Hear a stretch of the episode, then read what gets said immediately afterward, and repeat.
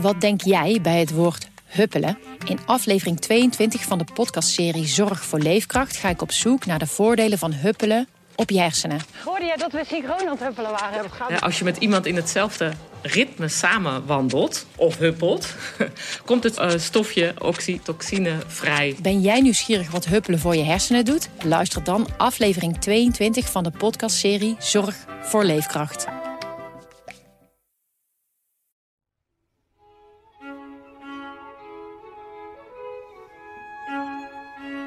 Het jaar 2020 was ontegenzeggelijk het jaar van de coronacrisis.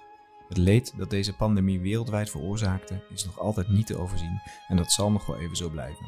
Wat in Nederland wel heel tastbaar werd, was de schrijnende situatie in de verpleeghuizen, waar mensen van de een op de andere dag werden afgesloten van hun geliefde, terwijl binnen de muren het virus om zich heen sloeg.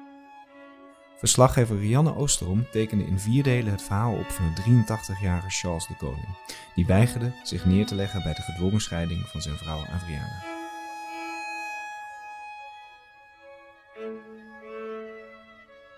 Deel 1. De man, de verrekijker, zijn vrouw en het gesloten verpleeghuis.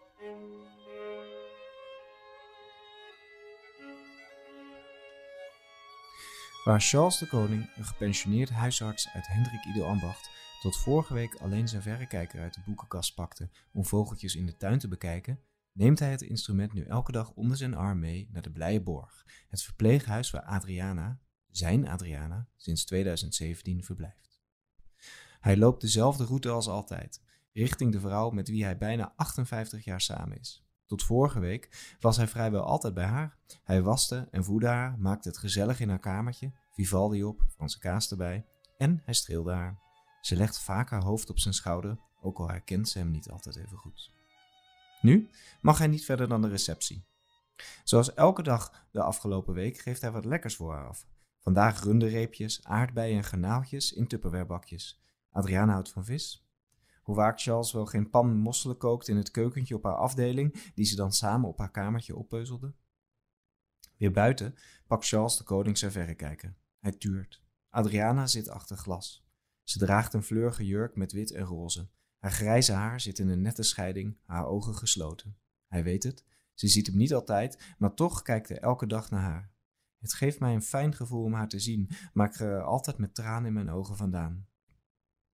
De koning vindt het niet juist dat de verpleeghuizen voor alle bezoekers gesloten zijn. Zij mist het contact en ik mis het. Elkaar geestelijk vinden lukt niet goed meer vanwege haar dementie, maar door te knuffelen waren we toch met elkaar verbonden. En dat is mij ontnomen.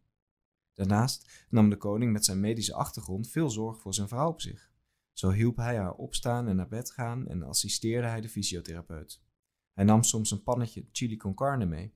Ik ben bang dat haar spieren slap worden en dat ze geestelijk achteruit gaat. Mijn angst is dat ze mij straks helemaal niet meer herkent. Zorgen voor iemand met dementie kan soms frustrerend zijn en vergt veel geduld, weet hij. Ik weet niet hoe dat gaat als de verpleging het alleen moet doen. Ik weet heel goed hoe ik met mijn vrouw om moet gaan. Daarnaast ben ik medisch onderlegd en weet hoe ik hygiënisch moet werken. Ik heb op het moment weinig contacten, dus vorm geen groot risico. Charles en Adriana leerden elkaar kennen in hun laatste jaar op het Johannes Calvijn College een degelijke school in Rotterdam.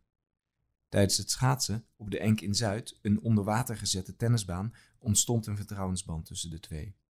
Ze was niet alleen tijdens het eindexamen een enorme steun voor mij, dat bleef ons hele huwelijk zo.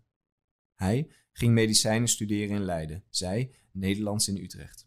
Hun liefde bleef in stand en ze zochten elkaar veel op. Na de studie werd Charles huisarts in Hendrik Ido Ambacht. Adriana werd docent Nederlands op een school. Samen kregen ze drie dochters. Ze reisden overal naartoe. Ze gingen maar liefst zes keer naar Zuid-Afrika. Adriana heeft onnoemelijk hard gewerkt, zegt Charles.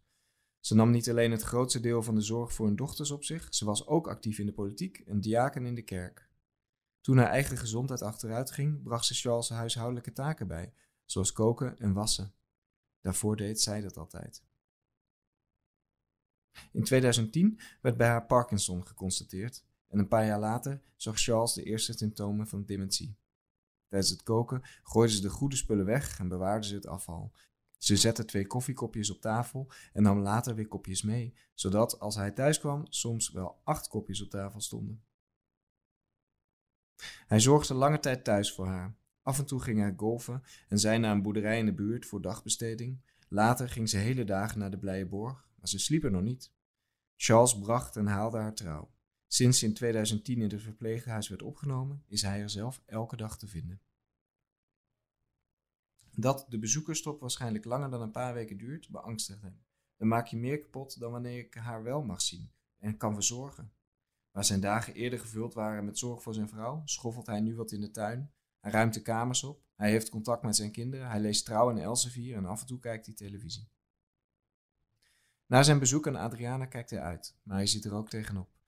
Hij kan haar even zien, maar dan komt altijd dat moment waarop de balkondeuren sluiten. Dat moment waarop ze, net als de vogeltjes in de achtertuin, uit zijn lens verdwijnt en hij niet meer goed weet hoe het haar vergaat.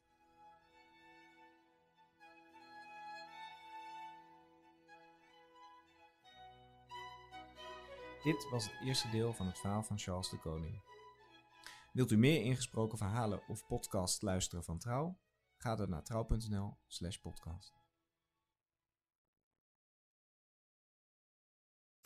We worden dagelijks overladen met overbodige informatie. En het is moeilijk de zin van de onzin te scheiden. Daarom vertrouw ik op echte journalisten in plaats van meningen.